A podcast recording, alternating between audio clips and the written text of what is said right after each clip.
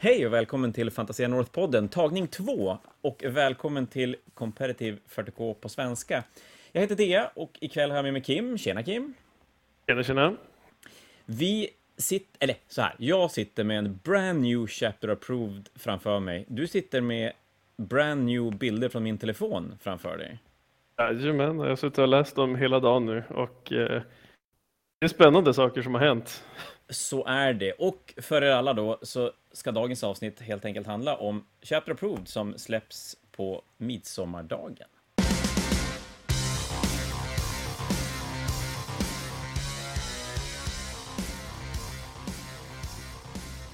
Ja, som sagt, vi började dagen med att vi nästan inte visste vad vi skulle prata om idag, men helt plötsligt dimper den här ner i våra knän, plus så har vi poängförändringarna. Vi kommer tyvärr inte hinna med poängförändringar jättemycket. Eh, Nej, det tenderar att bli ganska börja... lång tid när vi pratar. Ja, det brukar tendera att bli det. Det är ett intressant ämne, men vi kan väl direkt hoppa på command points, antar jag. Ja, men jag tänker det. Ja, men vi kan köra en lite snabbis om Chapter Approved. Eh, så här är det ju nu för er som inte har koll, att Chapter Approved är ju den eh, numera, vad blir det, två gånger per år utgåvan av uppdaterade matchplay-regler till 40K, där de går igenom... Precis, släpps varje sex månader. Ja, men exakt. De går igenom sekundära, de går igenom eh, Eh, scenarion och den här gången är även reglerna med i den här Chapter Approved. Eh, för förra gången så hade de plockat ut reglerna. Ja, känslan jag fick det att GV lite grann testade att se vart gränsen gick för sina produkter. Hur mycket kan de hur mycket kan de kapa ur produkter vi fortfarande känner att det är okej okay att köpa den? Jag tror att de hade på något sätt stigit över gränsen med eh, Nachman-boken och med den här eh, Warzone Nephilim, då är då grundreglerna tillbaka också. Och jag, jag, tycker att, ja, jag, har ju, jag får ju äran hålla i boken, men det är en ganska saftig lunta eh, vi har fått med, med mycket regler, eller ja, 40K-reglerna och sekundära, arméspecifika sekundära, men det kommer vi att komma till också. Eh, som sagt, den finns fortfarande att förhandsboka på Fantasia North och den släpps på lördag, midsommardagen. Halvolägligt, så jag tänker att väldigt många kommer att plocka upp den på, på måndag istället, men, men det är någonting att se fram emot. Ja, Kim, förlåt. Nu har jag rantat om sådana där tråkiga grejer. Då säger vi, du sa command points. Command points, som folk redan har sett online så är det att vi har halverad start command points så att vi går från 12 till 6 på 2000 poängsmatcher.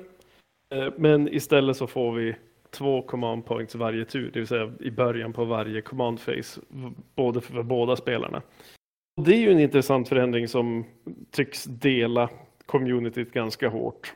Vissa sitter och skriker så hur ska jag nu kunna spela blank? Eh, jag har några night-spelare som sitter och gråter för de brukade bränna sju command points innan matchen ens har börjat. Eh, men jag har lite åsikter om det, men vi kan börja. Vad, vad tänker du om det här?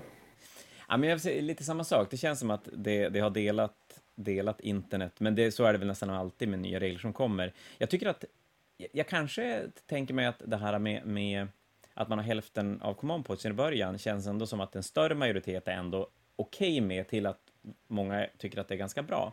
Det som däremot verkar hugga folk lite grann, det är det faktum att vi måste betala för reliker och warlord trades. Ja, det är ju där den riktiga kostnaden kommer in. Ja, och då, då, är det så för att er som inte vet då, så tidigare har man ju fått ett warlord trait och en relik gratis. Och så sen har man kunnat betala command points för fler. Nu är ingen gratis, man måste betala för sin första Warlord Trait och sin första relik. Det kostar en command point respektive. Vi ska komma lite, jag har lite regelfunderingar kring det där, men det, det, kommer vi tillbaka till. Nej, men som sagt, så att ja, lite mer åt det positiva hållet generellt sett. Det känns som att Matchplay-communityn nu börjar bli lite luttrad och börjar inse att förändring, även om det är en förändring man själv kanske inte tycker är hundraprocentig, så är det bra med förändring. Jag skulle vilja just då det kommer till eh, listor som till exempel Knight som ofta var ganska CP-tunga eller är CP-tunga just i början. I sluttampen har du ju ändå lika många command points. Och just det, jag tror jag sagt det tidigare, kanske inte på podden, men det här eh, löser ett av våra stora problem och det är ju strategy and bloat. Eh, nu så har du egentligen två val. Ett, du spelar vissa strategemer alla turer, några få stycken som är billiga. Och det är det enda du kommer göra matchen ut. Eller att du sparar en, två turer till en superbombo-kombo, där tur två, tre och sen så bränner du av den. Och sedan gäller det att du vann matchen på den. Så att det gör att du måste foka dig mer på vilka strategier är det som är viktiga för min armé och riktigt bygga runt dem. Vad som jag tror det gör det både lättare och lite svårare för nya spelare. För då säger man till dem, bygg runt en kombo, de bygger runt en kombo och de kommer att spela bättre. Ja, och jag, jag, tror att du har en poäng, för det är klart, mycket av snack... Du, jag ska ju säga en sak också här. Alla ljud ni har runt omkring mig innebär att jag har en hel drös med ungar på övernattning och det är sommarlov, så det är ett jävla liv här runt omkring. Eh, så tro inte att jag håller på att slå någon bredvid när Kim pratar. Jo, eh, vad, vad tänkte jag säga nu? Ja, men precis som du säger, att det är lite både och för nya spelare, för av någon anledning så känns det som att väldigt mycket av argumenten kring vårat spel från, från spelare på, på våra nivå, alltså som spelar matchplay komparativt och liknande, vi argumenterar gärna kring förändringar som att det är bra eller dåligt för nybörjare, som att egentligen någon egentligen bryr sig. Det vet jag inte om folk gör, eller jag vet inte riktigt varför man använder det som ett argument, men du har rätt i det att på ett sätt är det ju väldigt det blir svårare när man har färre resurser att använda, man måste hushålla med dem. Men det är klart, det blir ju lättare i att det kommer att vara fler strategem som blir helt orelevanta att använda för att de är bara inte tillräckligt bra för att spendera command points på, tänker jag. Precis, och sen så just alla de här listorna som bränner mycket command points och nu känner att ja, men nu kneecapar jag mig själv lite grann. Fördelen är just det helt omvända. Motståndaren också färre command points så att du slipper mycket av så här, en tur vombo kombos som bara pam slår ut dig. Så att det du förlorar i kraft förlorar också motståndaren i kraft. Alltså för, för, många listor så gör det här ingen skillnad. För jag gjorde lite så här tankepussel för mig själv, så mina tyrannider. Men jag brukar vilja gå tur två och oftast på turneringsbord så är jag gömd i första turen så att ingenting dör. Tur två går jag fram och ställer upp mig då, och då brukar jag vilja engagea. Då, finns det, då har jag ungefär 6 command points mellan tummen och pekfingret, 65 command points. Och med det kan jag leva hela matchen för att göra just den kombon jag ska göra den turen. Så jag tror många lister är oroliga i onödan för att du kommer ha dina command points i sluttampen. Ja, men det kan jag tänka mig att, att så är det. Att förändring är ju ändå av, av läskigt av ondo rent generellt. Så att, ja, nu måste folk börja spela med det här och, och, och, landa i att man får spela spelet lite annorlunda än vad man gjort tidigare. Men det är väl det som är charmen med de här Warzone-böckerna, Grand Tournament-böckerna, att det förändrar spelet vi spelar utan att vi måste lära oss helt nya regler. Och, och, det tycker jag är ju jättekul. Ja, absolut. Och sen så har vi också att det har kommit till många fler sätt att få command points som inte kräver att du har betalat poäng för någon, en command point genererare. Jag, vi kommer ta upp ett exempel eh, på ett secondary. Eh, men jag har, jag har skummat lite grann eh, och jag har hittat dem lite överallt. Att så här kan jag få ett command point om jag gör ditten och datten och så vidare. Och det är ju kul, jo men för vi har några stycken där man ska slå en tärning och på en sexa får man ett command point. Och, och, det blir ju roligt när command points blir någonting som man på något sätt jagar efter istället för att man nästan känner att ah, jag kan göra vad jag vill för jag har så många ändå så det spelar ingen roll.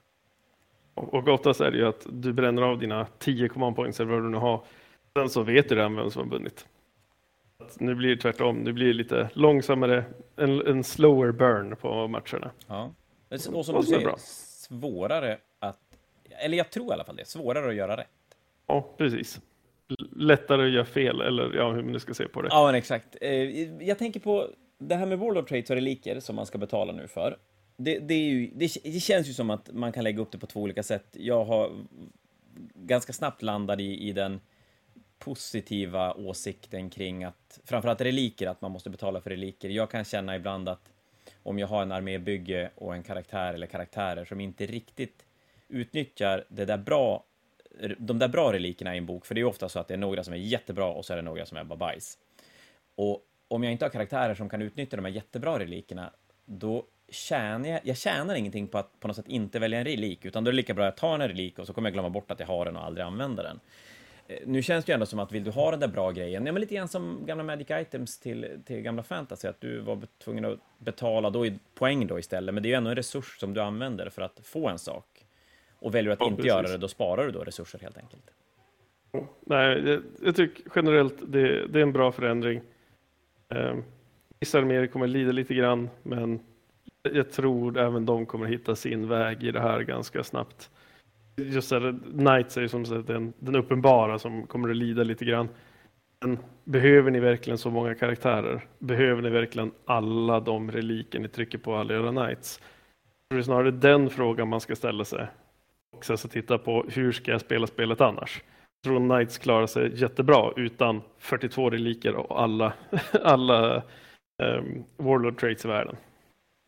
Ja, men det hoppas jag i alla fall att det gör. Och sen ska ju även tilläggas att just nu så, så ser man ju spelet som det är precis nu. Och man, man tar de här nya command point-förändringarna och som så trycker in i det spel vi spelar. Men det ska ju tilläggas att de här command-förändringarna kommer ju tillsammans med en ganska rejäl poängförändring och en förändring i sekundära också. Så det är ju mycket mer som händer runt omkring och det innebär ju att den här förändringen kanske inte blir lika påtaglig påtagligt negativt för de arméerna som känner att de är command point-tunga som det, det skulle vara annars. Och där tycker jag var en jättebra sideline in på nästa del och det är ju de sekundära. Oh, ja, det var planerat. Jesus. Hela Jajamän. Ja, ja. Oh, ja. är så sjukt det värsta är att jag vill ju backa tillbaka till, jag vill ju backa tillbaka till Wall of Trades, så att vi, vi, okay. kommer tillbaka, vi kommer tillbaka till sekundära, okej, okay, om en liten stund. Det är en regelfundering jag har, och om det är bara jag som har missat det, eller om det faktiskt är så att GV måste gå in och, och, berätta hur det funkar. Det, det är nog det här, att du köper en relik, fine, det känner jag, det är inga konstigheter. Warlord Trades däremot, om jag har en, en en, en special character, en namngiven karaktär, som är tvingad att ha ett visst Warlord trait, då måste jag betala för det också. Visst har jag förstått det rätt då? Jag har förstått det tvärtom, att du får den automatiskt. För är det så att man får den automatiskt, då är det ju bra, för då finns det ju en anledning att ta, för då, får, då tar du en namngiven karaktär, du får en relik, för de har ju oftast ett relikaktigt item till sig, Eh, och det är ju rätt uppenbart att det inte är en relik. Och så får de ju ett Warlord Trait som brukar vara specifikt för dem. Och är det så att man inte behöver betala för det, då är ju det en liten bonus. Men sen tänker jag, de här som har flera stycken Warlord Traits, jag tänker framförallt Mortarion. Det är därför jag tror att... Eh, det är därför jag... Points. Men ännu värre, ta systrarnas... Eh, eh, vad heter den, den här... Saint Katarin? Processionen, ja. ja. Alltså det, vad är det den har? Har den fem reliker? Eh, och det är just på grund av som dem jag tror att namngädda får allting gratis. Ja, det vore ju rimligt. Annars så, vadå, fem command points plus en Warlord trait. Ja, det är alla dina command points. Kul. och så sen, förmodligen är Warlord traiten ganska halv taskigt. Det är som, ja nu, nu har ja. jag inte hunnit grotta lika mycket i tyranniderna som du har nya, men, men gamla tyranniderna, om det skulle vara relevant, så Swarmlorden är en karaktär man vill spela med, den är ganska fet, men han har ganska cast Warlord trait, och så måste man köpa det, man bara, och, och, verkligen betala poäng för. Men eh, då, då backar vi tillbaka, eller vi tänker oss att det kommer en FAQ eller en förtydligan på hur de har tänkt så här. Eh, det kan ju vara att den redan kommer att dyka upp nästan på release, releasedagen. Men nu då använder vi våran eh, övergång till sekundära som jag redan har glömt bort, så skitsamma. Nya sekundära. Nya sekundära. Vi har ju, de har tagit bort en hel del av ja, de riktiga skräp, skräpen. Inte alla skräp, det kommer jag nämna. Eh, men vi kan ta en drös honorable mentions ibland de här sekundära. Ja, vi kan ju nämna lite grunden bara, det de har gjort, och det här är ju en, en egentligen, typ ingen förändring, men de har i alla fall läckt upp det så att alla arméer startar med tre stycken fasta sekundära. Det är Assassination, Grind them down och uh, Behind Enemy Lines. Och sen får man då byta ut alla de där tre mot andra. Och även nu får man byta ut alla tre mot arméspecifika sekundära. Ja, och eh, vi kan börja med, som inte är med på den listan, eller vi kan börja med den Behind Enemy Lines. Eh, nu är jag inte riktigt helt säker hur den såg ut tidigare, men nu så får du och nu kommer Vove in här och stör. Utmärkt. Så har du också lite ljud i bakgrunden. Jajamän, ja, två victory points för en unit bakom Enemy Lines och fyra victory points för två. Som ju gör den ganska intressant för arméer som Jean Kult som redan var duktiga på det. Nu är det, ja men om jag kan stå tre turer i din deployment zone, jag maxar den. Eh, ja, definitivt. Och den är faktiskt likadan som den var tidigare. Att en enhet ger två poäng och två enheter ger fyra poäng. Ska vi hoppa vidare till No Prisoners. Den har de dock ändrat. Då får du ett victory points för 50 wounds och två victory points för 100 wounds. Och sen antalet wounds delat till 10 då, som du har gjort. Eh, så att den har ju blivit bättre på alla sätt och vis. Jag höll på att säga, inte den likadan som förut? Först fick du, först fick du ett victory point på, två, på 100 wounds. Du hade ingenting vid 50. Jo då, 50 till 99 får man en extra och 100 mer får man två extra. Jag har läst fel, då har jag helt spelat den fel i alla år. När skedde det? Ja, ja, se där. I nationsboken skedde det. Uh, vi, nu skulle jag kunna klippa bort det här Kim, men det tänker jag inte göra så att du vet om det bara. Nej, nej, nej, nu måste jag det här. Skam. ja, här har vi en som jag vet de ändrar på. Det är Psychic Interrogation. Den har de ändrat på, du har helt korrekt. Den har blivit ännu bättre, för den var inte så bra nog som det var. Så för nu får du ett command points om du slår över target characters leadership. Ja, och i övrigt är den likadan, så den är ju super, super nice, måste jag säga. Den är super nice för, för tyrannider som kan kasta på 3D6 till skada högsta. Och plus 3 to cast på, eller plus 2 om det är Neurothorpe som snör den. Helt okej. Okay. Jag tänker mig att eldar, eldar kommer att tycka att den är ganska mysig att använda också. Och eldar också. Det är jättebra. Och där har vi ett av de här sätten att få ett till command point. Eh, som sagt, det finns fler. Board the Witch. Board the Witch är ju fortfarande, ja men den är som tidigare. Mm. Tre victory points för psychic character, två victory points för andra. Gage är fortfarande, du måste ha tre modeller. Och Retrieve Nephilim, som det heter nu, data är samma tidigare. Ja, ja men exakt. Eh, den, också, nu, den blev ju förändrad i förra då, att man ska slå en tärning och slå lika med eller, antal, lika med eller under antalet modeller i enheten och eh, man får dra bort ett på den om man är troop choice. Ja, så, att det, så är det. Eh, det var någon förändring. här som jag, nu måste jag bara kika här. Det var, undrar om det var engage on all fronts eller om jag bara har lite halvdålig koll på hur den funkade tidigare. Som du säger Kim, ibland så är man så inställd på att man spelar på ett sätt och så vissa regler har man som aldrig behövt ta hänsyn till. Och eh, jo, just det, det var, det var Engage All Fronts. Den har de ändrat så att nu måste enheten ha varit tre eller fler starting strengths och om jag då har förstått rätt så är det hur de var i armébygget. Så det spelar ingen roll att de har dött på vägen. Ja, det, det, det är en bra förändring. Det tycker jag är en bra förändring. Då, då, kan man faktiskt köpa en enhet som är gjord för att engagea och, och, även om den skulle ta stryk på vägen så kan den ändå göra sin grej. Jag, jag tänker mig att man lämnar den här coola, I don't know, gadgeten som man ska springa fram med till den överlevande och då spelar det ingen roll om man är själv eller om man var, var fler. I don't know, whatever. Den, eh, den känns eh, som att den har hittat hem någonstans från att vara nästan obligatorisk i, i nästan alla lister till att inte alls spelas med något mycket till att nu kanske hamna någonstans där mittemellan. Ja, och just att det är bara tre modeller Eh, eller troligtvis lär vi få spela sexor, jag måste Stormboy, Gargoyles, allt sånt i, i den stuket och sen så bara scorar den. Ja, och då kan du spela enheter som egentligen både kan retrieve data och engagea. Och om du då spelar som du säger, om du spelar sexer, då, då retrieve data du automatiskt och även om du tappar lite fart så kan du även engagea under matchens gång, även om du har tappat folk. Eh, sen har de tagit bort, de har tagit bort Stranglehold borta. Har fått den dock. Eller jag, jag har, nu minns jag inte exakt vem det var, men jag, jag tror Tau har fortfarande kvar någon, ett Stranglehold liknande. Fått, ja, men exakt. Och någon annan armé har fått Stranglehold liknande grejer också. Men den är borta som en generisk. Eh, är det bara den som är borta? Nej, Deploy Teleport Homers är väck också. Investigate Signal är väck också. Eh, vi har, vad har vi mer? Pierce the Veil är borta. To the Last och tack gode gud är Tode Las borta. Och, och ja, jo, det var en riktigt jäkla skitobjektiv. Uh, och sen tyvärr så är Warp Ritual fortfarande kvar och den är lika dålig som jämt. Ja. ja, men det är fascinerande när de har tagit bort väldigt många av dem som var dåliga eller kanske för enkla. Och så sen har de kvar Warp Ritual och de har som inte gjort den enklare. The Warp Ritual, det är ett riktigt Chad-val. Alltså det, du väljer det då du har bara tänkt styla och visa att du kan vinna med alla hinder i världen. För du ska fortfarande stå i mitten, du får fortfarande börja en psychic action åt gången och du kan inte scora max på den. Bara, Jaha, den här är skitdålig. Vilken armé vill göra den? Varför? Det, det tänker jag mig när det kommer till speldesign. Generellt sett så gör ju GV bra grejer. Och sen självklart måste de gå in och fixa ibland när det blir knasigt. Men hur kan man tänka sig att den här bara skulle vara värd 12 poäng? Jag greppar inte. förstår inte.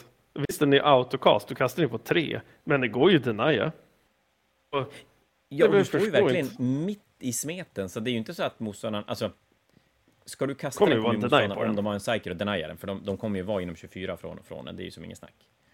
Det är ingen snack, det kommer att vara en deny på den. Och jag förstår inte. Det är helt bortom för, allt förstånd. Och det finns så många andra objektiv som är så mycket bättre så att men, vi sa tidigare, psychic interrogation. ja, men spelar du ja, psychic, då ska du köra den. Ja, ja, gud ja. Det är ju ingen, ingen, ingen som helst snack om saken. Eh, faktiskt. Så, så den är... Ja, jag vet inte. Mest det är bara frustrerande. Ja, är det bara konstigt att den är där? De skulle bara kunna plocka bort den. Vi kan ju gå tillbaka till enda mission vi har tänkt nämna.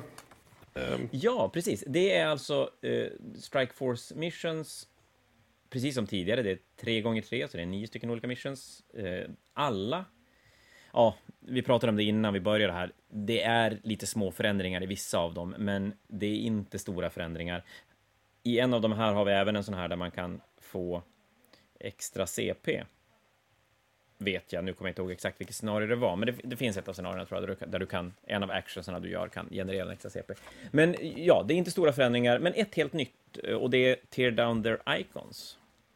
Som är troligtvis bland det, bland det roligare sett på länge. Tear Down Their Icons, det har den här bökiga trekantsdeploymenten. Ja, kortsidig trekant typ, kan man säga så? Ja, ja typ kortsidig trekant. Objektiv, en i vardera bas och sen tre stycken ståendes i Omens land. Sedan så är det kontrollera 1, kontrollera 2. Det som är speciellt med den är att du ska göra en action i motståndarens, jag minns inte om det var bara med infantry units, men man ska göra en action i motståndarens eh, deployment, i motståndarens zon, så det måste vara hans deployment. Då planterar du en bomb där. Och det gäller att ha kvar sina bombmarkers i motståndarens deployment zone och då får du fyra victory points för varje bomb som ligger planterad till max, jag tror det var 15 victory points. Och motståndaren kan gå och försöka desarmera de här bomberna med en action också. Eh, vad som är lite häftigt. Det är lite annars. Ja, den är, jag tycker att den är, är skitcool och det känns som att det blir ett sånt här mission där man, man kommer att studsa lite fram och tillbaka och det blir väldigt svårt att veta riktigt hur matchen kommer att gå. Jag kan ju se vissa arméer måste ju vara riktiga gudar på det sättet. Jeans kult som lyckas få sig in i hörn, plantera en bomb, sen plantera en bomb ner i nästa hörn och ett till hörn. Så det ligger bomber överallt och massa skräp units som bara lagt dem. Intressant. Jag vet inte hur, hur superbra det är, men häftigt scenario. Jag tycker ja. om det, det är lite coolt. Och, och, det ska sägas det, bara, bara för att förtydliga, det är alltså den här action ska göra i motståndarens territorium, vilket blir ju halva planen. Och det behöver alltså inte, det behöver alltså inte göras på, på objektivmarkörerna som finns, utan du, du sätter ju dit som nya objektiv som bara är aktuella för det här scenariot. De, de gäller inte i något annat syfte än att man kan desarmera dem och man kan på något sätt aktivera nya. Jag gillar den. den är jag gillar den också. Eh, det finns ett till, nu ska vi se, nu ska jag vara superprofessionell här, för att vi har inte haft jättelång tid på oss att läsa det här. Men det ska finnas ett till scenario det kan bli så att jag måste klippa bort det här. Där man kunde spränga grejer och göra mortal wounds på saker som höll objektiven. Men det kanske var ett, det kanske var ett arméspecifikt sekundärt förresten. Det kan ha varit arméspecifikt sekundärt, så att vi kommer nog tillbaka till den. Så glöm det. Och hör ni det här, då har jag alltså inte klippt bort det. Hör ni det, då har jag valt, det, eh, valt att det ska ligga kvar. Eller tvärtom. Ah, whatever. Skitsamma. Den eh, Teardown Icons, cool. Jag vet inte riktigt hur, som du säger, hur lätt den blir att spela kring, men jag gillar hela det här konceptet av att att kunna agera på brädet utan att agera på objektiven. Ja, nej, jag tyckte det är spännande. Det blir intressant att se vad folk gör av det. Om de bara går stenhårt på primary eller om de faktiskt bygger runt det. Mm, definitivt. Men du, då har vi lite arméspecifika, eller nej, vi har inte lite arméspecifika sekundära, vi har en hel jävla bibel av arméspecifika sekundära. Därför tar vi inte alla. Vi, nej, det gör vi, tar... vi inte. Vi ska ta en del, men först ska vi bara berätta lite grann om hur de har lagt upp konceptet. Det de har gjort helt enkelt, det är att de har cancelat alla kodexars arméspecifika sekundära. Så de sidorna i böckerna är irrelevanta och nu har de stoppat in alla de här i Chapter Approved. Vissa har kommit in precis som den var, vissa har fått helt nya och vissa har gjort lite små tweaks i de redan existerande sekundära. Och som vanligt så får du inte välja, du får, nu, numera får du då välja alla tre från din armé specifika, men du får fortfarande inte välja flera under samma kategori. Det är ju viktigt att komma ihåg. Ja, precis, och mm, vi har noterat, som sagt, vi har inte gått igenom alla, men jag har skummat lite grann. Det är väldigt många eh, att göra actions på objektiv i, då, i den här nya boken. Så det krävs av många fler action monkeys för vissa arméer än vad de hade tidigare skulle jag vilja gissa. Ja, framförallt om du vill få fler alltså hyfsat enkla eller, eller, ja, eller bra sekundära, då känns det som att det är väldigt viktigt att ha fler sådana enheter som kan göra actions. För, för precis som du säger så är det, är det mycket objektivjobbande eh, sekundära. En till sak som jag reflekterar över, jag vet inte hur stor förändring det är, jag, men jag tror att det är det, för visst är det så tidigare att en del av de här skitdåliga Space Wolf Blood Angel sekundära där man väljer en karaktär och motståndaren väljer en karaktär som är, ska vi säga, den man ska challengea. Numera, om jag har förstått rätt, att det är en skillnad, så numera så väljer i Space Wolf-spelarens fall då, väljer Space Wolf-spelaren både vilken karaktär som är hans karaktär och vilken karaktär motståndaren har valt som, som eh, ja, huvudmål. Kims tystnad var ju ett tecken på att jag var svamlar, eller? Läser. Nej, det, det, det, jag tänkte det var en bra plats att klippa på. Men eh, ja, det, det stämmer. Blood Indians har de har ändrat att du, har, du väljer båda. Jag har inte läst Space Wolfen heller. jag, tror att Space, jag, jag, jag har fått för mig att Space Wolf har varit samma sak. Att, att du väljer eh, en och motståndaren väljer sin karaktär. Man bara, men vadå, då väljer jag den där karaktären som står i ett hörn. Och sen har de även lagt till på de här att det, det är olika steg. Jag tänker, men nu, nu bara kliver jag in här och, och bestämmer lite grann i vilken ordning, så du ska få ta tillbaka det här sen Kim. Men Space Force till exempel, det är ju säkert en ganska crappy sekundär ändå, men att då väljer du din karaktär och du väljer motståndarens karaktär som ska vara då den man har gjort en heroic challenge mot. Och sen får man fem poäng i slutet av striden för varje condition av tre stycken som man har upp, uppnått. Och då är det, är den motståndarkaraktären död, då får man fem poäng.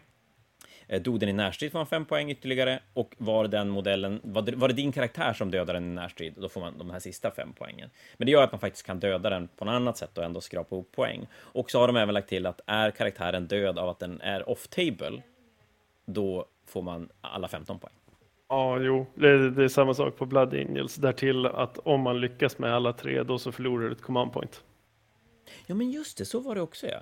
Det är lite coolt. Eh, så att det, det, det är coolt. Det, jag vet inte hur bra det är. Men jag tänkte säga, nu la jag väldigt mycket fokus på någonting som ingen kommer att spela med ändå, så det är lite skitsamma. Så jag, jag tänker att jag ska men... tillbaka till dig helt enkelt. Men ja, absolut. Då jag tar bollen så fortsätter jag rulla på den där lite grann. Jag tycker ändå det berättar lite grann vars GV vill göra med objektiven. Alltså det, det är skitcoolt och tematiskt och helt rätt för armén. Och man ser det lite grann på de här mer specifika där man ser, som vi sa, mycket actions. Men jag har tänkt lyfta trash tier arméernas eh, sekundära, för vissa av dem är riktigt spännande. Vi börjar med Astra Militarum. Vi börjar med Inflexible Command. Nu minns jag inte vilken det var. Eh, men vad den gör att om allt ditt infanteri i hela armén inom 6 tum officerare, då får du två poäng direkt alla fordon inom 6 tum av en tank commander, då får du ett victory point. Om du dödar en unit med en unit som har en order, då får du ett victory point. Och det ska säga att det här får du i end of your turn, så att du kommer kunna ska, få det i varje av din runda. Ja, alltså jag ser inte hur man inte får 15 på det här. Infanterister som har voxcasters räknas som 24, alltså om commandern har en command med vox och så, så är det en unit med vox då räknas det där upp till, jag tror det var 24 tum. Ja, 24 tum. Så att det är så starkt, för då kommer du hela tiden bara kunna, om du var klumpa din armé, eller ha en armé där alla tanks är tank commanders, och då sitter du bara ihop, ihopklumpad, sedan så får du dina fem victory points. För att döda en unit med en unit som har en order, den är ju extra killig till att börja med. Så att det är nästan omöjligt att inte lyckas med den. Ja, den är väldigt lätt att välja att bara, bara skjuta i rätt ordning så, så lämnar man det där sista till den enheten som order. Och då är det väl ändå så att ganska många enheter kan få ordrar i Astra Militarum-listor som det ser ut nu. Nästan alla. fordonen så där, då behövde jag tank commander så det blir lite dyrt men det är ju Astra, du har råd. Eh, nästa, jag vill ta en till från Astra. Ja, kör. By Lasgun and Bayonet. Victory point om du dödar en unit på ett objektiv. Om man tittar på hur metat ser ut så är det mycket det här att skicka ut någonting på objektiv, sätta något enkelt på, på din, eh, ditt bakobjektiv. Det går ju att njuka med artilleri så, eller mortars med orders på, eh, basilisker med orders på som inte har minus to hit. De skjuter in direkt. Så du kommer ha, och du får det för varje unit du dödar. Så att du kan döda tre units på objektiv i en tur och få tre victory points. Och då tvingar du fram motståndaren igen bara, varför nu? Ja, och jag tänker mig att den, den tar plats, den tar Purge the Enemy-platsen, så att den tar Assassination eller Bring It Down. Jag menar, Bring It Down är ju inte uppenbart att man tar... Det beror ju väldigt på motståndararmén. Och Assassination kan ju vara väldigt, väldigt svår att skåra mer än 9 poäng på mot många arméer. Och att då kunna byta, byta ut det mot den här, med tanke på att det kan vara lite svårt för Astra att spela den här Psyker-kategorin också. Och då kan du bygga en armé som faktiskt kan välja ganska mycket sekundära som, eh, som kan ge bra med poäng. Absolut, och sen så har de också Boots on the ground som är i princip Gage on all fronts fast du får ett poäng för varje quarter du har en infantry unit i. Och med moving det är inga problem att bara swisha över en unit sen så bara ja, det får vi ett poäng. Det, Astra Militarum, igen har de buffats. Eh, jag, vet, jag tror inte det räcker än, men tummar upp på deras sekundära. Det ser riktigt bra ut. Ja, men det är ju roligt, och framförallt är det ju roligt att de ändå inte bara tänker på att nerfa de arméerna som går väldigt bra, utan de även faktiskt aktivt försöker buffa de arméerna som har det lite halvjobbigt. Och att pilla i sekundära, det har, ju, har de ju aldrig gjort tidigare. Det är som första gången vi får den möjligheten att nerfa, nerfa metat. Precis. Eh, och för att hoppa vidare till nästa eh, riktigt trash tier så tog vi eh, demonerna. Och där hittade jag, jag trodde först jag hade hittat två, men jag hittade egentligen bara en som var riktigt intressant. Det är The Spoilers of Reality. Uh, dock det är många, jag upptäckte efteråt, jag upptäckte den här att det är många som har något liknande. Jag tror demoner har lite lättare att göra det. Och det är just fyra victory points om du gör en action på ett objektiv och överlever till, jag tror det är din command face, och du gör actionen i slutet av din moment phase. Det, ju, det kan potentiellt vara ganska bra om du kan binda upp motståndaren och sen så gör du den här actionen på eller fyra objektiv och bara patam så skårar du direkt upp dina 15. Och det sneak, sneakpeakade på poängen så demonen har inte fått några större förändringar eh, som är relevanta så att de, jag tror inte det påverkar jättemycket egentligen. Nej, men, men den här, för som du säger, det är fler sekundära som jobbar lite grann på samma sätt som den här gör och, och det innebär att du får göra flera av dem. Det är lite som Race Banners, att du får göra flera samma runda eh, men inte på samma objektiv och för varje gång du lyckas så får du fyra poäng. Så att du kan ju du får inte göra det på objektiv i din egen deployment zone, men å andra sidan, men runda två, det är ju inte helt omöjligt att du kan tanka 12 poäng på en runda. Omöjligt, och det, det är ganska spicy. Ja, men faktiskt. Det, och spelar man då, om ett annat ger det ju de, de riktigt bra spelarna som ändå vill ge sig själv en riktig jävla utmaning att plocka en sån här F-tier-lista kan ändå ha fler sätt att, att uh, samla poäng och det är ju bra. Det är bra. Men sen har vi lite nerfar. Eh, jag tar bara upp de två som jag har varit mest irriterad på. Och det är för Space Marines och Dark Angels, Thoughts of Moment och Stubborn Defiance. Thoughts of Moments har en mini-nerf. Det är att de får bara ett poäng för att hålla mitten istället för två poäng. Inte jättemycket, det är någonting. Fast det gör, det gör ju ändå att det är ganska svårt att skåra 15 poäng på den. Du måste jämt vara i mitten. Ja, och du måste ju rent... För att, för att få den där extra poängen, du måste ju klara alla tre alla gånger för att få ihop 15 poäng. Det börjar vara lite svårt. Alltså det, men du ska fälla ett moraltest innebär ju att alltså allt, du ska slå ett moraltest varje runda och gör verkligen Space Marinesen det? Nej, alltså det, det gör de oftast inte. De, de kör ju så små units, oftast är de döda eller så antingen som är döda eller så är det irrelevant. Ja, Och, och att, nej, så den, den känns ju som att den kanske inte alls är lika så den, obligatorisk, även om den hade väl kanske fasat ut Nej, inte fasat ut, men den spelades väl lite, lite mindre mot slutet. För att det kanske är för att Space Marines var ganska crappiga också. De är, ganska, de är inte så himla bra. Men framförallt så har det börjat komma mer saker. Framförallt om du tittar på Kaos som sänker leadership. Ehm, jag har sett lite sneak peeks på Kaos-kodexen och där är det ju flera units som stackar eh, leadership debuffs. Chaos Knights har också en massa debuffs. Jag tror Chaos har också lite secondaries där man defilar ett objektiv och sedan så ger det negativa buffar på leadership. Att jag tror till och med Space Marines kan bli lite så osäkra på om de kommer att klara sina leaderships, leadership saves i framtiden. Det är ju roligt om, om leadership spelar roll. Det är lite så här, det svänger lite. Nu tycker jag att leadership-grejen är lite svår att hitta en balans i. Det känns som att antingen är det lite skitsamma, eller så blir det, blir det nästan för bra när någon armé kan som extrem utnyttja det. Men det är ju kul att, att statlinen ändå spelar roll. Och att det kom lite in-game buffar som man kan välja i efterhand. Och lite spännande. Stubborn Defiance. Jättenerfad, för nu får du inte välja objektivet i din egen deployment zone. Ja, fullt rimlig förändring. Och då för de som inte vet, Stubborn Defiance var att du valde ett objektiv, vad som alltid var det i din, din egen deployment zone. Så länge du höll det så scorade du poäng och höll du den hela matchen så fick du 15. Ja, men den tillsammans med Oath var ju en, en, en väldigt bra kombination av objektiv och för jävla tråkig. Ja, den var, den var faktiskt gräsligt tråkig. Um, så att det, det, det är bra förändring. Och Vi kan lägga till en ser... tredje grej till det där, det är ju att när ett objektiv fanns i mitten också då. Då blev det fantastiskt jävla Ja, ja då, för då satte de alla Terminators i världen på det objektivet och bara, ja. Kul match. Eh, jag vill highlighta några, för det, det, de har gjort också, det är att de specifika eh, Space Marine Chapters har fått sekundära, eh, nu blir jag osäker på om de hade det tidigare, det kanske de hade, men eh, vad säger du? De hade det. Nu vet jag inte, kanske Ravengard hade sånt där. Jag tycker det var svincoolt. Eh, Ravengard kan göra en action på objektiv med Core Infantry. Um, och de gör det, ja men som vanligt, de gör det i slutet på moment och de klarar det till slutet på turen.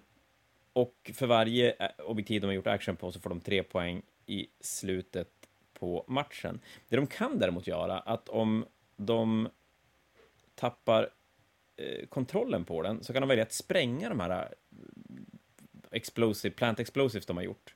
Eh, och gör de det så på 2 plus så tar enheten tre mortal wounds som stod på objektivet. Ascoolt. ja, det är svincoolt. Jag vet inte om det är bra eller om det är, men Svin, svincoolt, måste jag säga. Var det är ashäftigt. Eh, var det bara en unit som tog det? Eh, ja, men vi ska se. Eh, ja, för, för det första är att om man, om man spräng, väljer att spränga den, då har inte man som... Då har man inte poäng för det objektivet. Då, då måste man gå tillbaka och göra om det på det objektivet sen. Eh, och nej, för varje enhet som är i, på, in, alltså på objektivet, så på 2 plus tar de tre mortal wounds. Uff. Uff. Det kan ju göra ganska ont. Det kan ju göra på riktigt ont. Och det står lite mycket. Ja, ja det, men precis. Det, det kan vara bra. Uh, och framförallt så det, det är säkert en sneaky grej som man sällan tänker på. Och sen så helt plötsligt har man planterat tre units, kanske någon kapten på något objektiv. Sen bara, ja, ah, jag detonerar den. Jaha. Ja, och, och det är klart en game, vi säger att du har en du har börjat skåra ganska mycket på de andra objektiven så, så kanske man kan släppa lite poäng och släppa tre poäng för att spränga en sån här och, och göra lite skada istället. Nej, jag vet inte, den kändes, den kändes rolig, gjorde den. Sen som sagt, om den är jättebra eller inte, det, det är väl... Förhoppningsvis är det ingen som är så auto-include här så att man, det kommer krävas lite speltestning för att se vilka som, som är värda att spela med. Ja, nej, det, det, det håller jag med om. Och framförallt nu efter poängförändringarna som kom idag Eh, så tror jag alla har lite speltestning framför sig. Eh, för jag tänkte nämna en av dem som har blivit buffade ganska otroligt mycket. Det är ju Necrons. Jag måste bara säga en sak här. Nu gjorde ju du en jävligt snygg övergång. Ja, jo. Till poängen. Jag vet, det, det är helt otroligt. Men jag kommer, jag kommer först gå igenom... Ja, jo, lite grann. Men vi kommer att gå igenom Purge the Vermin som alla som spelar Yes. Necrons vet att det, du ska hålla bort folk ifrån quarters. Helt omöjligt, man skårar aldrig någonting på det. Eh, Men nu har de också tillsatt att man får ett victory points om din deployment zone är fri av enemy units. Eh, Så den kan vara lite mer attraktiv, framförallt med tanke på att man får mycket mer i sin armé. Ja, nya Ja, för poängförändringar då. poängförändringarna är ordentliga. Det är, det är inga skämt. Ehm, ja, vi satt och för Vi, nya poängen har ju som gått igenom de olika chattar jag har. Det är ju allt ifrån folk som är här omkring uppe till, upp till Luleå. Och alla sitter och som sådär, men alla som spelar de här lite svaga faktionerna, typ Death Guard, sitter och bara oh shit, jag har fått 300 poäng mer att leka med. Och Necrons har något liknande. Och så bara en Setan har gått ner 50 poäng. Det är förändring till Warriors dock av någon anledning, men, ja, men allt annat då som gått ner. Jag med mina tyrannider har gått upp över 300 poäng, vad som är rimligt skulle jag säga. Ja, men det är väl faktiskt så att tyranniderna har varit så himla bra att 300 poäng är inte någonstans orimligt faktiskt. Det är inte orimligt. Nu, nu tror jag faktiskt det är en fight. Alltså det är så att jag räknar på det att bara i Warriors så förlorar jag en hel Warriors squad. Som har blivit så mycket dyrare. Det känns rimligt någonstans. Och Aleceptorn kostar nu lika mycket som en Knight per wound. Och det känns också rimligt för att den skjuter inte lika mycket och gör inte lika mycket skada. Men den tål ju mycket mer. Men som sagt, tyrannider har fått mycket rimliga förändringar. Däremot så är det vissa arméer som jag sitter och kliar mig lite grann i huvudet. Så hur tänkte de här? Till exempel, jag vet inte, vi pratar om Astra Militarum, där de inte har rört poängen typ i, överhuvudtaget. Det, man kan få en Command Squad fem poäng billigare, vad som är som skitsamma. Man kan få Bullgrins lite billigare. Jag tror de har gått tillbaka från efter de fick den här poängförändringen. Men vanliga Ogrins som är helt ospelbara, de kostar fortfarande lika mycket. Och man blir så här, fem poäng dyrare. Ja, helt out of the blue. Vad, vad motiverade Jarek fem poäng? Vad gör han som är så himla viktigt? Svaret är ingenting. De, det kändes kanske för dem att så här, Åh, vi ändrar lite för lite här, vi tweakar lite till. Nej, det, blir ju det blir ju nästan löjligt, men du har ju, det kan ju mycket väl vara så för att... Eller är det så att de har för lite, har de för lite data för att kunna göra för, stor, vettiga förändringar på Astra Militarum? Nej, Det, det inte, inte vara. det kan det inte vara. Alltså, folk spelar dem ju fortfarande och de går skit. Alltså, vad mer data behövde? Sänk allt med hälften, nu kör vi, vad fan? Ja, alltså, jag tyckte att där skulle de vara lite mer vågade. Alltså, gör riktiga poängförändringar så gör riktig skillnad och inte sitta där och ändra lite smått hit och dit. Men det kan ju vara så att kodexen är för nära in på vill inte pilla på det för att de vet ändå att nu kommer vi att ändra och folk kommer klara, klaga om det svänger för mycket. Kan vara något sådant resonemang. Det resonemanget går inte att ha mot min andra grudge som jag har. Det är vad de gjorde med Adeptus Mechanicus. Och svaret på det är ingenting. Gjorde de ingenting Visst, de har-? De sänkte till så här Ruststalkers med ett poäng. Präster med ett poäng. Eh, Så här, små sänkningar här och där. Men det förändrar ju ingenting för Admec i stort. Det är nerfade så, så att ingenting egentligen fungerar längre. Catafrons är skitdåliga. Dackabots är skitdåliga. Smackabots är skitdåliga. De är för dyra, de tål för lite, de gör för lite skada. Sen så är allting för dyrt. Man så bara, men om ni inte tänkte ge oss nya dataslates måste ni sänka våra poäng. Och nu så gör ni ingenting av det. Våra sekundärer är fortfarande meh. Det, där är två arméer som riktigt har gått, fått, ja, inte fått vad de behövde här. Det finns som sagt andra som har fått jättemycket. Space Marines tycks ha fått ganska mycket sänkningar på fordon. Death Guard går det bra för. A Thousand Suns tror jag gick upp en del. Eh, men ja, Jag tänker mig, jag må tillbaka till det här med Astra och Admec, för det är ju faktiskt... Ja, det är ju, det är ju märkligt. Astra, som du säger, det, det skulle du absolut kunna ha en poäng i att de inte vill gå in och förändra så här supermycket för att det ligger en bok runt hörnet och som du säger, den boken kanske förändras så pass mycket att de, de vill inte att folk börjar göra jättestora förändringar i sin armé som sen kommer att bli värdelösa längre fram. Men Admex, som vi pratade om i förra poddavsnittet med, med, om Grand Fanatic, att vi hade 92 stycken 40K-spelare och vi sitter där och säger att det var så roligt för alla arméer var representerade och sen bara, vänta nu, det var ju inga Admec. Nej, och det är inte av en slump. Det är så, visst, vi har ju vissa som håller stenhårt vid Admec och spelar dem ja, oavsett väder. Men Admec är inte, ligger inte bra till. De är inte, de ligger där i mitten och dinglar, eller låg. Nu ser jag inte hur man kan sätta dem i samma kategori som inte ens Necrons. Necrons Nej. är nog över Admec nu. De flesta Space Marines är nog över Admec nu. De börjar som tryckas ner tillbaka där de lite lägre tirarna. Det måste ju vara ändå ett tecken på en, en relativt dålig eh, design från GVs sida. För det, när det in, alltså när de, när de kommer och är bara så enormt knäckebrutna och så sen gör de en del nerfs och de går ner på en nej, de bara försvinner. Så att de, de hittar verkligen inte balansen däremellan någonstans alls, utan det bara svänger fram och tillbaka. Eller ja, det svänger aldrig fram och tillbaka, det svänger först. Och, det börjar väldigt bra och sen svänger det till botten och sen är det där de är. Ja, alltså men dock Admec, där var det lite grann att de körde, ja men de, de reagerade med en knäryckning. De var knäckebrutna och de är nog de mest brutna sedan Iron Hands då de kom. Eh, de behövde en nerf, men det var så att de tog nerfhammaren, sen slog de först en gång. Det räckte inte riktigt, men sen slog de tre gånger till bara för, bara för att säga nej, ni ska fan inte vara bra längre. Ni, ni har fått era 15 minutes of fame, nu är det fan färdigt. Det... Tillbaka till gamla editionen då ni bara hade en kodex, eller två kodexar uppsplittade, ni fick inte blanda. ja, precis. Det, nej, men jag, jag, vet inte riktigt, det är väl det jag kan tycka att GV fortfarande inte riktigt har, har lyckats med, som jag trodde kanske att de skulle med den här boken, det är det här med att backa på förändringar som de redan har gjort.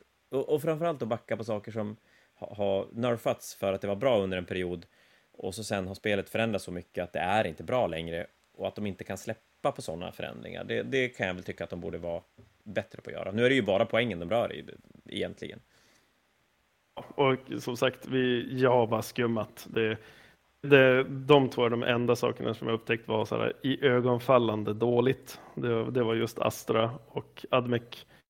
Jag tycker att GV kunde gått in lite mer vågat och skapat poäng eller sagt att ja, men nu får ni använda det här igen. Ballistari får tillbaka core eller någonting sånt. Men resten ser ju väldigt bra ut. Jag, jag tror Death Guard kommer att gå ganska bra. Förutom att de är långsamma. Men Ängen säger och deras secondaries, det läste de, säger ju att det kommer att gå bra för Death Guard. Och många andra som får en buff. Ja, men exakt. Eh, jag ska säga det också en sak när vi pratar om arméer som inte blir rörda, som borde bli rörda.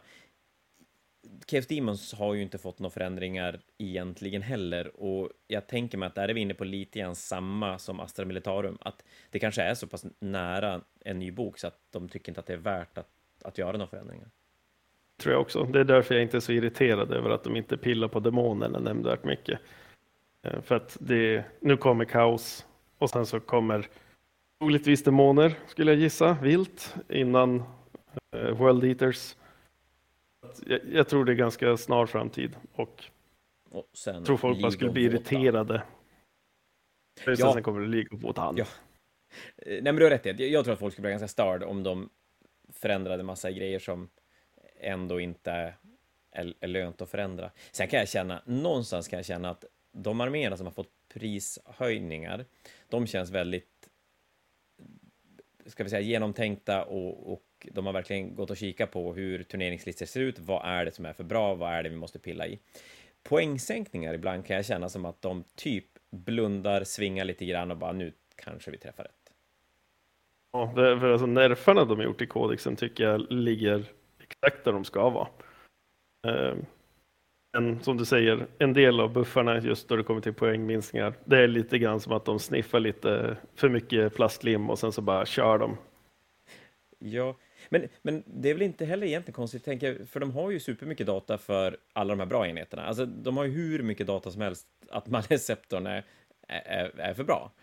Det råder ju ingen som helst tvekan om det. Eller att Harpin är för bra. Det är ju ingen snack om det heller, så där blir det väldigt lätt för dem att på något sätt värdera en poänghöjning med den data de har och se okej, okay, hur mycket måste man plocka bort för att, få, för att om vi höjer poängen så här mycket. Men jag tänker mig just de här enheterna som aldrig spelas med. Hur fan ska man veta hur mycket poäng man ska sänka? Silent King. Ja, men hur ska man veta att man ska sänka den till 400 poäng? Vad, vad, gör att... Är det det som gör att den blir spelbar? Alltså... Jag tvivlar. Och, och har de verkligen... De lär ju inte ha speltestare. Och det finns ju knappast spelgrupper som har speltestat de här poängförändringarna i någon större utsträckning. Det kan jag inte tänka mig. Nej, nej. Uh, då finns, om man ska ta det, alltså, okej, okay, vi baserar det på data. Varför gick inte Screamer Killern upp? Until Carnifexen gjorde det. För nu, en, jag tror en Carnifex med fyra klor är dyrare än en Screamer Killer. Screamer Killern är ju bara bättre. Det, det är bra att de i alla fall baserar sina poängökningar på fakta. Eh, sedan minskningarna, ja, det, det, det, får vi se eh, hur det ser ut på borden efter det här. Ja, ja men, och det kommer att gå ganska fort. Först ska internet gnälla järnet och sen ska man börja, börja testa och se vad, vad som är det nya brutna. För, för så är det väl att det spelar egentligen ingen roll vilka poängförändringar de gör.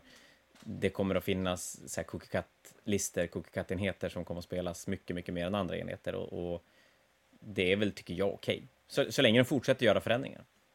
Ja, absolut. Och det här eh, allmänt, boken i sig eh, är absolut värd sitt pris för en gångs skull för att det är vettiga förändringar. Roliga, det ser ut att vara roliga missions med ja, de har tagit det som var bra, tweakat lite extra och gjort dem lite mer spicy. Ändringarna i stort tycks vara väldigt sunda och vettiga så att jag ser fram emot dessa sex månader av eh. Det tycker jag var en ganska bra sammanfattning av det här poddavsnittet. Så istället för att vi ska fortsätta sitta och killgissa om olika poäng fram och tillbaka så tänker jag att vi kan lämna det där och bara säger att folk plockar upp boken, ta och speltesta lite grann och som sagt den här boken är värd att köpa även om ni tycker att ni inte spelar så mycket för att reglerna är med så ni får en liten regelbok med aktuella scenarion runt omkring och sådär ni, om ni spelar en armé som kanske inte har några vettiga secondaries så får ni vettiga secondaries specifika för er armé. Ja, precis. Så är det. I så alla fall om det Shastra. Ja, bra, bra bok. Vi ger den eh, fyra goda F. Det blev vår nya betygsskala här om du undrar. Eh, okay. helt enkelt. Så gör vi så att vi säger tack för ikväll allihopa och eh, du Kim, vi kommer tillbaka om inte allt så långt framtid med, med, med lite mer eh, comparative 40K på svenska. Jajamän, då kör vi till Tyrannider. Det gör vi. Tack på alla. Ha det bra. Hej då! Hej! Hej.